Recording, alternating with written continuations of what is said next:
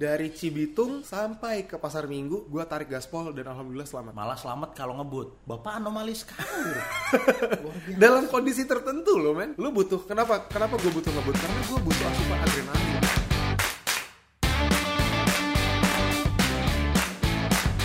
kita. Kenapa jadi lo yang ngatur? Mau kita recording mau kagak? Iya Bill, ya Mau udah. dibayar? Iya nggak usah emosian juga. Eh, emang kita itu nggak harus dibayar untuk bisa podcasting. Oke, assalamualaikum warahmatullahi wabarakatuh. Oh, udah mulai. oh, maaf, maaf loh dari tadi. Halo teman-teman semua, sound. sorry banget. Memang The Perky Mechanics di bulan Oktober kemarin sama sekali gak ngeluarin episode baru. Iya. Karena Billy lagi fokus ke bisnis cupangnya dia yang baru. Ya dan Aryo kena covid. Kampret. Eh, gue di sini ketua gugus tugas pencegahan dan penanggulangan COVID loh. serius, serius. Oke, jadi kita pasti akan bayar hutang kita kok, tenang aja. Jadi ini kita akan membawakan sebuah materi yang sudah kita pikirkan matang-matang ya, Bill ya. Ah. Barusan, Baru banget. baru banget. Ya, anggaplah udah mateng lah. Jadi kita mau Instan banget ya. Ya, oke lah. Direbusnya digo- direbus dulu. kita kita pengen ngebahas gini. Jadi tadi gue coba usulin ke Billy kemarin gue tuh habis uh, touring lah, touring ala-ala. Nggak touring juga sih karena gue udah biasa juga hampir tiga minggu sekali lah atau sebulan sekali lah. Gue PP Bandung motoran kan. Oh iya. Nah kondisinya adalah gue kemarin tuh bener-bener sampai uh, beberapa kali mungkin lebih kal- dari lima kali gue microslip di jalan. Nah, apa itu microslip? Microslip itu untuk nyimpen data pak. Bukan yang buat ngelancarin buang air besar. Bukan, itu microlax emang apa sih emang iya ya? Nggak tahu makanya gue nanya. Jadi microslip itu itu adalah sebuah kondisi di mana lo tiba-tiba tertidur karena lo kelelahan. Nah, Tapi tiba-tiba lo bangun lagi. Cuman Hmm. sepersekian detik. sepersekian detik lu tidur, tapi motor atau mobil lu udah jalan berapa meter tuh? Nah, Nah, nggak sebagai sepersekian info- detik juga sih. Iya. Apa ber- beberapa detik lah. sebagai info, satu detik ketika lo di eh, kecepatan 100 km per jam katakanlah di tol ya, Ya. Selama satu detik itu mobil lu menempuh jarak 18 meter Nah, per satu detik. Jadi kalau lu tidur 2 detik atau tiga detik, lu kali aja sama 18. nah. Dan Cukup i- untuk itu bikin mobil keluar jalur. Bener banget, itu bahaya banget sebenarnya. Nah, jadi di episode kali ini kita akan ngebahas bagaimana kita harus nge-maintain yang namanya stamina. Jadi jangan sampai kejadian yang namanya microslip Wah, atau jangan. kita misfokus di jalan dan lain-lain. Itu sepersekian detik itu nyawa loh. Entah nyawa kita atau orang lain ya. Iya. Tapi Jadi, itu menyangkut keselamatan bersama. mungkin gue ceritain sedikit dulu kondisi kemarin ya. Hmm. Kemarin tuh gue dari Bandung itu eh, empat motor, Hmm. empat motor, lima orang. Nah, jadi gue kebetulan lagi bawa Satria F, eh Satria F, Satria RU yang hiu itu loh, Dua tak. dua tak. Dan yang namanya motor sudah berumur ya, 16 tahun. Gue gue punya yang tahun 2004 Oh, tua, tua juga ya? udah udah udah. Udah lumayan lah udah 16 tahun. Nah itu kebetulan memang kondisinya sih layak banget untuk jalan jauh ya. Cuman di saat itu entah kenapa pas gue di trek Purwakarta dari Bandung arah Jakarta itu rantai gue copot Rantai copot. lagi nikung-nikung kayak gitu kan. Rantai gue copot copot dari gear depan dan gear belakang. Jadi gue pas Oh, untung untung nggak nggak nggak. untung nggak ngunci. Iya nggak ngunci maksudnya nggak ngejerat si eh, sprocketnya sampai ban yang nggak bisa muter tuh bahaya banget loh. itu bahaya banget sebenarnya. Dan Bisa beruntungnya gue dia loose gitu. Nggak nggak nyangkut ke mana-mana. Nah, akhirnya kita berhenti ada ketemu bengkel di stud dulu sekitar satu kiloan ketemu bengkel. Posisinya itu sekitar baru-baru jam 9 malam lah dan dibenerin lah di sana dengan mekanik yang lebih gadungan dari kita sembarangan banget pokoknya Ya, mekanik-mekanik yang ada aja. yang gitu. ada aja lah karena gue cuma butuh kuncinya sebenarnya Hmm. tapi dia ngerjain ya sudah lah Oh profesional. gue bayar Sombong. gue jalan gue betot gigi 3 gigi 4 putus lagi copot lagi maksudnya Ternyata udah eh, dia nggak kenceng ya kan? Ah, udah. Oh, gue udah males lah. gue bukan mesti dimandiin kembang tuh Hmm, bukan. jangan dong jangan akhirnya gue bawa lagi agak sekitar eh, 3 kiloan. Nggak sampai 3 kilo 2 kiloan lah di stud lagi. Ketemulah bengkel tapi sebenarnya itu bengkel mobil. Nah di situ udah yuk pinjam kunci aja kita kerjain sendiri. Oke. Akhirnya lu pasang kopel. Daripada copot satria gue pakai gardan gitu ya gardan sama kopel. Nah, akhirnya dikerjain di situ. Selesai, tapi anak-anak bilang, "Udah yuk, kita eh, jalan santai aja." Nah, di situlah letak permasalahannya. Hmm. Ketika gue terbiasa dengan ritme mengendara gue yang berkendara gue yang enggak Ugal. Ugal. Nggak ada kata lain. Ugal. Iya. Ugal. Terus, iya, terus lalu. Oke. Ugal. Jadi eh, oke lah, gue ikutin eh, permintaan teman-teman supaya Jadi kita lu dari dari aman. speed lu kenceng, tiba-tiba disuruh pelan-pelan, lu nya ngantuk. sampai itu sampai ke kan gue lewat rutenya masuk kota Purwakarta habis itu gue lewat jalan raya industri tembus ke Curug Kosambi Karawang jadi gue nggak ngelewatin Cikampek dan lain-lain lah. Tembus itu itu udah kerasa ngantuk karena Masih saking, jauh tuh ya dari Jakarta ya. saking pelannya masih jauh lah Saking pelannya jatuh. dan itu gue udah ngerasain yang namanya eh, nggak tahu ya gue kalau ngantuk itu eh kayak gue ngelihat sesuatu di jalan padahal nggak ada Oh, halu, halu. halu halu dan itu beneran ngerasa halu ketika misalnya gue ngelihat ada orang nyebrang padahal nggak ada Hmm, ini iya. antara mistis atau tidak menurut gue sih tidak gitu loh ini pure karena gue ngantuk gue turun ke level kesadaran gue tertentu akhirnya gue berhalusinasi. Gue ngelihat ada tiba-tiba ada rumah di depan gue tiba-tiba ada sebuah kendaraan yang bentuknya aneh depan gue tapi ketika gue gue nggak ngerem gue nggak am- nambah akselerasi tapi abis itu kendaraan hilang aja gitu. Orangnya keterobos aja gitu Mungkin lu sebelum berangkat makan jamur-jamuran tertentu yang Hmm. bikin halusinasi nggak? dikit pak enggak enggak men. Wah, nggak boleh fix. Anda mabok. Gak ada. Gue kangen sih men. Kalau ada yang crispy ya kan. jangan, jangan, nggak boleh, nggak boleh, nggak boleh. nah, sampai di trek Cikarang, eh, Kerawang menuju Cikarang, itu gue udah ketiduran berapa kali. Tiba-tiba gue ada di jalur kanan, tiba-tiba gue di jalur kiri. Ya gitu loh. Sampai di dihadang sama temen gue, yuk istirahat dulu. Iya, ayo istirahat. Nyari tempat belum ada tempat istirahat kan. Sampai eh gue itu jadi gini, lu pernah lewat jalur motor gak sih kalau di dari dari arah Jawa? Lu biasanya lewat tol lah ya. itu ada lampu merahnya outer ring roadnya Karawang yang sudah menuju ke Cikarang. Itu kan, Kayaknya pernah. nah itu kan jadi kayak ada trotoar tengahnya gitu, pembagi yang ini Ah. ke kanan masuk ring road, ini lurus ikutin jalur lama lah, jalur panturanya kan. Oh, Nah itu jalan gua- jalan baru, jalan baru. jalan baru. Nah, Itu tiba-tiba gue udah di depan yang namanya pembatas jalan itu, pembagi jalan itu. nabrak. Hampir nabrak, cuman hit- hitungan sekian senti doang. Di. Dengan dengan kecepatan eh, ya motor lah ya. Mhm. Langsung gue sadar, gue banting kiri, manuver cepet gitu ya. Hmm. Alhamdulillah selamat. Nah, hal-hal kayak gini, ah, ya isti akhirnya gue istirahat dan gue negak minuman dulu. Beralkohol? Enggak, alhamdulillah lima tahun free. Oh iya. Gue minum kerating deng. Rating deng. Nolong lah sekitar 20 menit abis itu ngantuk lagi emang.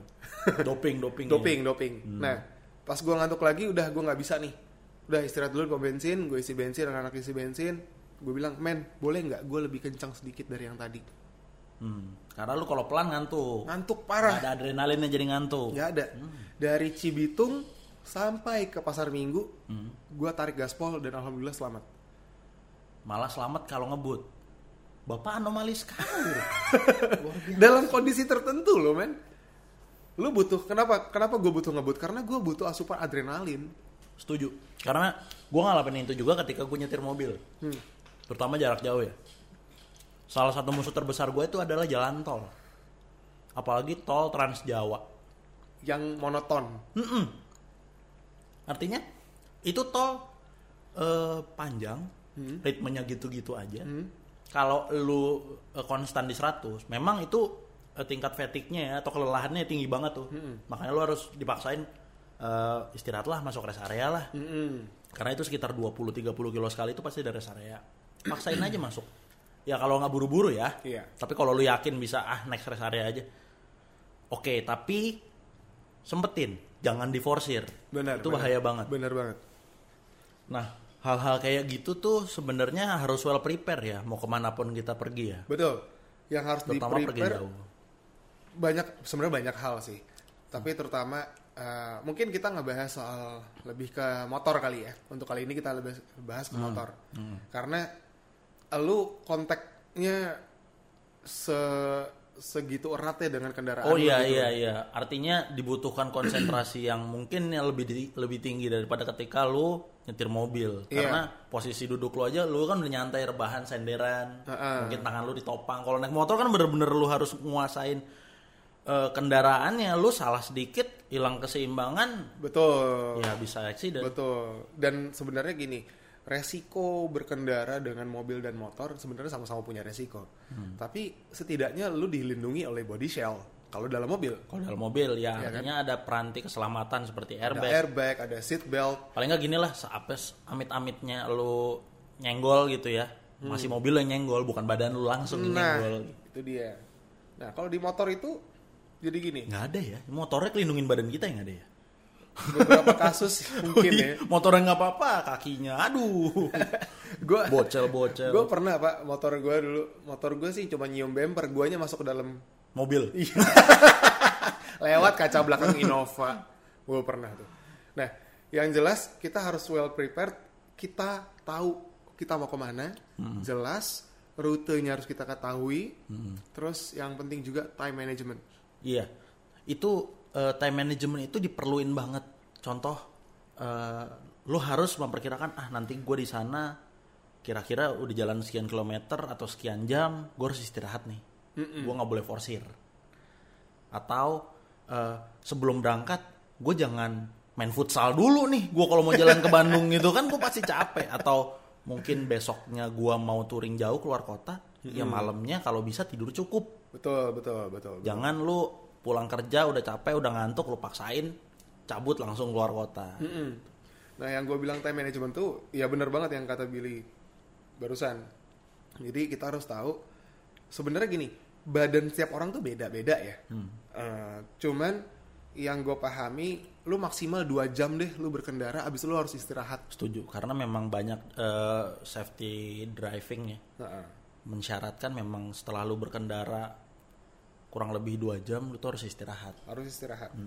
Eh, setidaknya lu stress release lah. Dan dan Iya. itu kan lu secara nggak sadar lu badan lu tuh Dipaksa di satu di satu pose yang sama, Sama. meskipun lu ma- bermanuver ya. bermanuver, tapi kan tetap aja kalau apalagi kalau misalnya lu naik motor sport gitu ya, Nah, yang yang Agak bungkuk, bungkuk. wah itu tulang lu sih kretek-kretek tuh kalau Iya, berdiri. Lu butuh stretching lah setidaknya, butuh perenggangan. Nah, itu itu penting banget.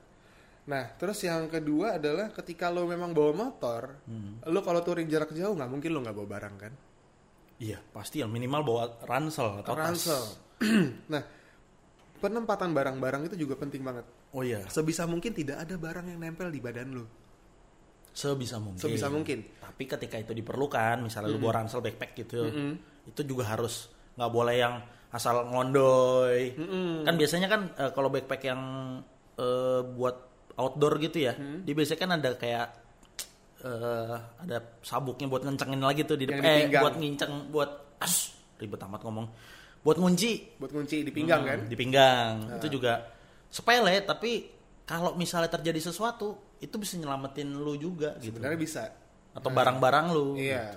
Tapi eh, lebih aman dan lebih menghemat tenaga lu itu ketika barang-barang lu itu benar-benar ditempatkan di motornya.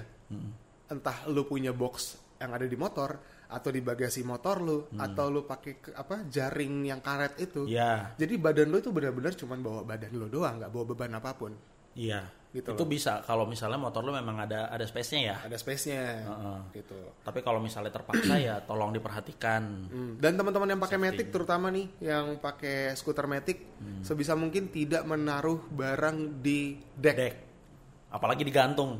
Ah, digantung terus nggak proper ngewer-ngewer kayak plastik alfa tuh Wur, ketika lu manuver set dia ke mana seng seng Iya. Ya, itu mempengaruhi stabilitas motor juga betul. Kalau di kalau di deck itu itu akan mempengaruhi ergonomi badan lo. Iya Ya which kan? is Jadi kalau ergonomi lu tidak baik Tidak baik fatigue lo. lu akan eh, tambah cepet tuh Cepet cepet capek. cepet capek Nah, itu penempatan barang itu sebenarnya penting banget.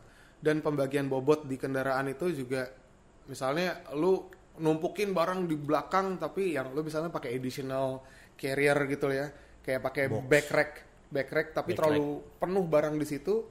Motor lu nggak akan stabil, badan lu secara otomatis akan menstabilkan, tapi akan lebih cepet capek juga. lebih cepet capek dan nggak safety juga Heeh. artinya kan beban semua di belakang Lu inget gak sih kalau misalnya lagi zaman-zaman mudik, mungkin tahun lalu ya, tahun ini nggak ada ya. Itu banyak orang yang Trans Jawa itu oh pakai pakai bambu pakai bambu, pakai kayu. dipanjangin ke belakang buat naruh barang Betul. Wah, itu itu itu sih. nguras energi ridernya. Bahaya banget sih. Lu sebelum berangkatnya lu udah capek ngiket-ngiket Hmm. masang-masang bambunya ngepas-ngepasin supaya nggak gerak. Setelah itu lu jalan dengan kondisi seadanya oke mungkin kilo dua kilo pertama itu bisa gitu ya. Iya. tapi begitu udah jauh lu bicara, kita bicara ratusan kilometer loh. Ratusan kilo. ratusan kilometer loh. Misalnya mudiknya ke mana? Magelang gitu misalnya dari Jakarta. Heeh. rumah di pasar minggu. Mudiknya ke Magelang pakai bambu-bambu yang tidak didesain memang untuk motor atau motornya Iya. untuk bawa barang seperti itu benar, benar. lu mau berapa kali berhenti untuk kencengin itu aja udah nambah kelelahan lu yang nggak mestinya gitu di Gak, gak jalan semestinya lu ah, apa? Dan nggak mengeluarkan energi itu gitu. dan nggak safety juga lu nya mungkin nggak apa-apa ada orang kesamber di belakang Iya, benar. iya Satu ya pakai yang yang tadi ya. Time management itu perlu, terus rute management juga Hmm. perlu. Terus yang ketiga adalah apa namanya? Soal pembagian barang, taruh barangnya di mana. Hmm, Kalau bisa jangan di badan, kalau bisa jangan di deck, nggak ganggu kaki lu. Kalau bisa semuanya ada di belakang. hmm. Atau kalau misalnya lu sendirian ya udah taruh di jok belakang terus lu iket. Itu Iya, lebih itu lebih kalau safe. sendirian kalau nggak ada penumpang ya nah sama satu lagi mau nambahin Apa tuh men? cara lu berkendara nah cara Oh, iya. lu berkendara itu juga harus diperhatikan Bener. kalau lu bawanya seradak seruduk udah kayak dikejar debt kolektor mata elang tuh Ah, Matel, Matel. di bawah flyover pakai communicator Ayo. kijang satu kijang satu terus lu bawa cara itu untuk lu pulang kampung ke Jawa gitu misalnya dari Jakarta ke mana ke Cirebon atau ke mana jamin lu baru sampai Bekasi udah capek Mm-mm. Bener. Itu lu nguras energi banget wah parah kalau lu seradak seruduk gitu seruduk ya seruduk. Nah, ini agak mungkin lu dengernya agak bertolak belakang dengan cerita gue yang tadi. memang Memang bertolak belakang. Tapi di situ gue tahu sisa, sisa tenaga gue berapa yang bisa gue optimize. ya Dan ini cukup sampai rumah gue gitu loh. istilahnya gini motor lu ada ada jarum bensinnya Mm-mm. dia akan mogok ketika itu habis Iya. sama sebe- sebenarnya tenaga lu energi lu itu juga ada jarumnya Iya. mungkin dari rumah full lu nggak tahu kapan itu bisa habis kadang nggak berasa kalau lu bisa merasakan udah seperempat nih lu istirahat recharge lagi Berarti intinya adalah lu harus kenal diri lu ya. Betul, Fisik badan lu lu harus ya. tahu sampai di mana nih limit lu jangan pernah dipaksakan contohnya kayak lu tadi lu tuh udah udah empty tuh udah nyala reserve tuh Ya, udah di reserve, udah, di udah reserve. reserve lu maksain Heeh. bagus kagak nyangkut lu di trotoar Iya kan Iya, men. Bawanya yang ya lu mau ketika ketika ketika eh, jalanan itu rame ya lu moderate speed aja ikut sama yang lain atau ya, mau lebih sedikit kayak main layangan lah, tarik ulur lah. Mm-mm, artinya nggak usah dipaksain. Kalau kosong ya udah. Kalau misalnya eh, motor lu metik gitu ya kecepatan 60 sampai 80 udah cukup. Nggak perlu sampai 100 lebih. Yang pertama, lu konsentrasi tinggi ketika speed lu tinggi juga, itu nguras energi. Yang kedua, apakah motor lu aman digeber kecepatan segitu terus menerus? Nah, Panas mesinnya atau panas tuh CVT. ah, lihat motornya juga kalau moge sok lah gitu loh. Iya. Nah, balik lagi, kita memang fokusnya adalah bagaimana fisik kita itu bisa bertahan, stamina kita itu bisa kita hemat, gitu loh. Yang jelas kita harus bisa benar-benar maintain energi kita. Dan apa aja sih yang bisa menguras energi kita? Ya salah satunya tadi, lu berkendara dengan seruntulan, cara berkendara yang buruk ya. cara yang- berkendaranya buruk gitu loh. Main betot terus gak gak putus-putus, gak ada istirahatnya itu kacau. Nah, tapi jangan lupa juga sebelum lu berkendara lu harus tadi lu ngomongin bensin jadi gua inget deh.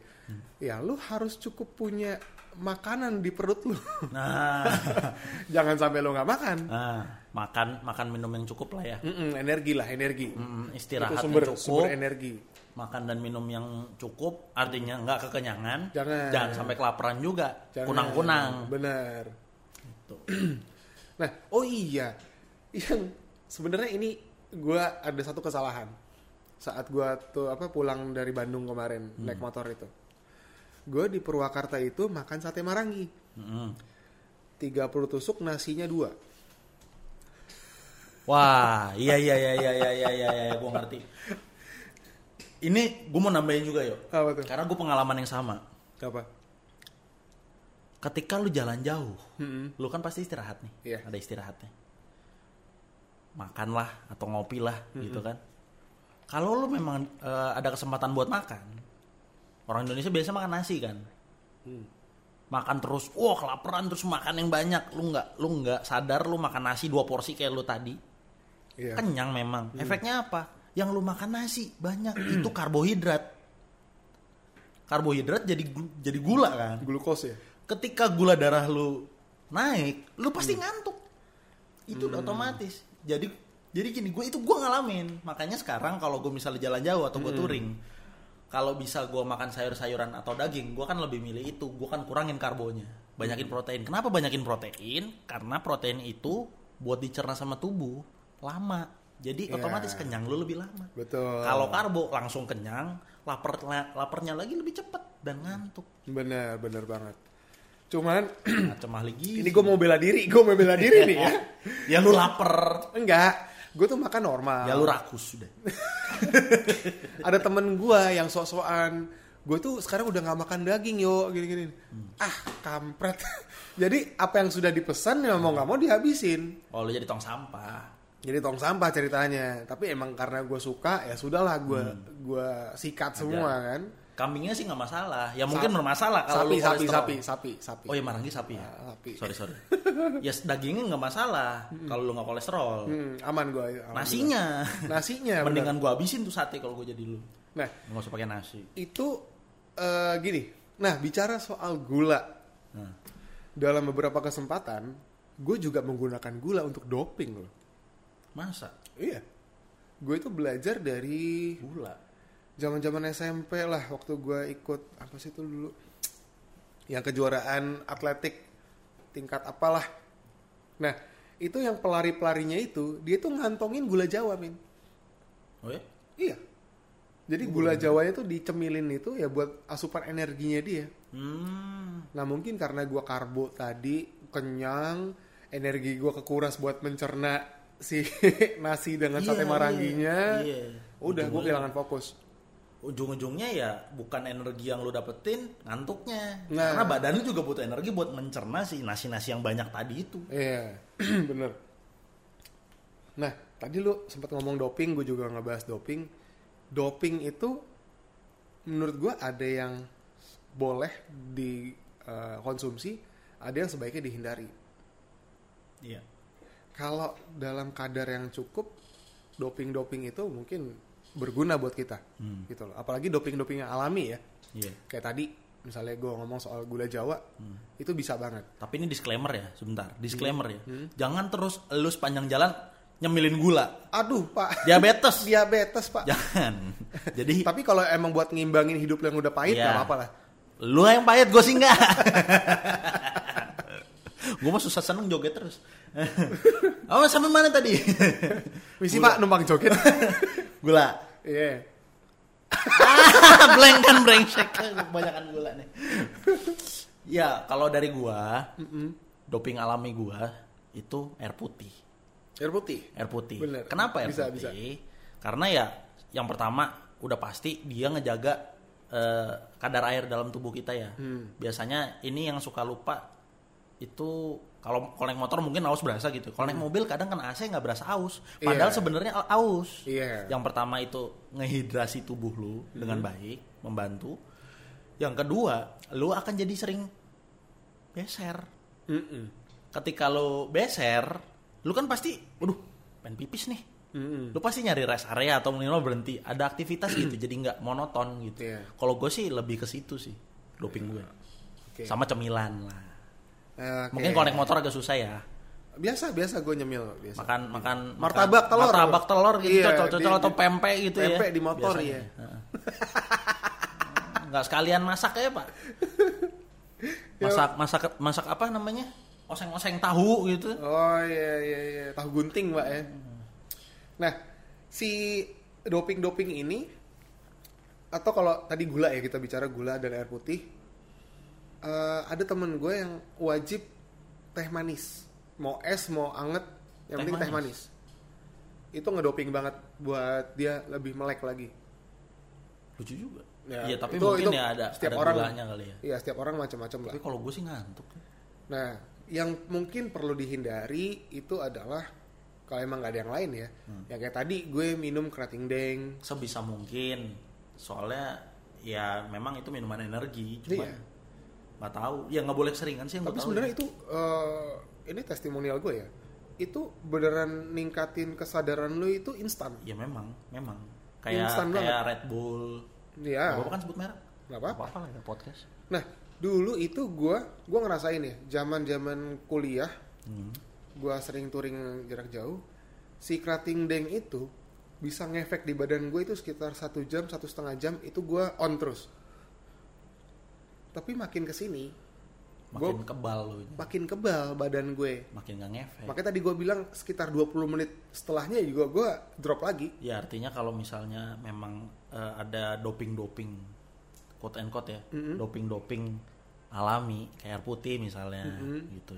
Atau eh pop mie ya, pop mie. alami ya. Alami. Dipetik dari pohon ya. Itu lebih baik itu sih karena gua sedikit menghindari yang begitu-begitu sih. Dulu Hmm. gua beberapa kali sih kalau udah kepepet banget. Kalau nggak kopi ya eh, itulah. Nah, kopi ya, Ya kopi bisa sih karena kan kafein kan. kafein. Ya itulah. Nah, men, eh itu kan apa yang kita konsumsi kan ya. Hmm.